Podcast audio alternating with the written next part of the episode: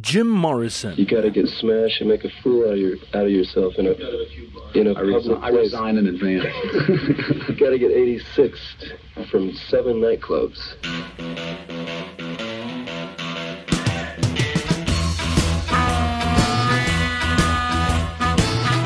James Douglas Morrison is gebore in Melbourne, Florida in die Verenigde State van Amerika op 8 Desember 1943. Hy's die bekendste as die musiekgroep The Doors se hoofsanger, maar hy was ook 'n liedjie-skrywer en 'n digter. Morrison was die seun van admiraal George Stephen Morrison en sy vrou Clara Clark Morrison, beide lede van die VSA se vloot. As 'n volwassene was hy vervreemd van sy streng konservatiewe ouers tot so mate dat hy in 1967 in 'n onderhoud beweer het dat hulle albei dood is. Volgens Morrison het een van die belangrikste gebeure gedurende sy lewe plaasgevind tydens 'n familiebesoek aan New Mexico in 1947. Hy beskryf die gebeurtenis as vol. Die eerste keer dat ek kennis geneem het van die dood, ek, my ma, my pa, my ouma en oupa het teen dagbreek deur die woestyn gery.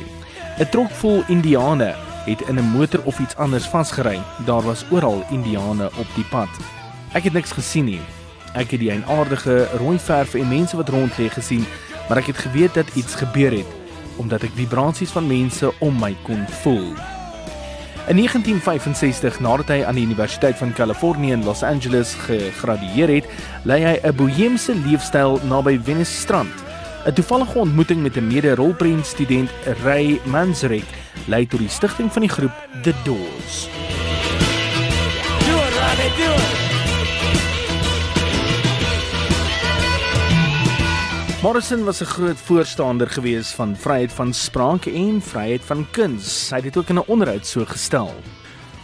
Well, in the realm of art and theater, I, I do think that uh, there should be complete freedom for the artist and performer. Uh, I'm not personally that uh, convinced that uh, nudity is always, you know, a necessary part of, uh, you know, a play or film, but uh, the artist should feel free to use it if he feels like it.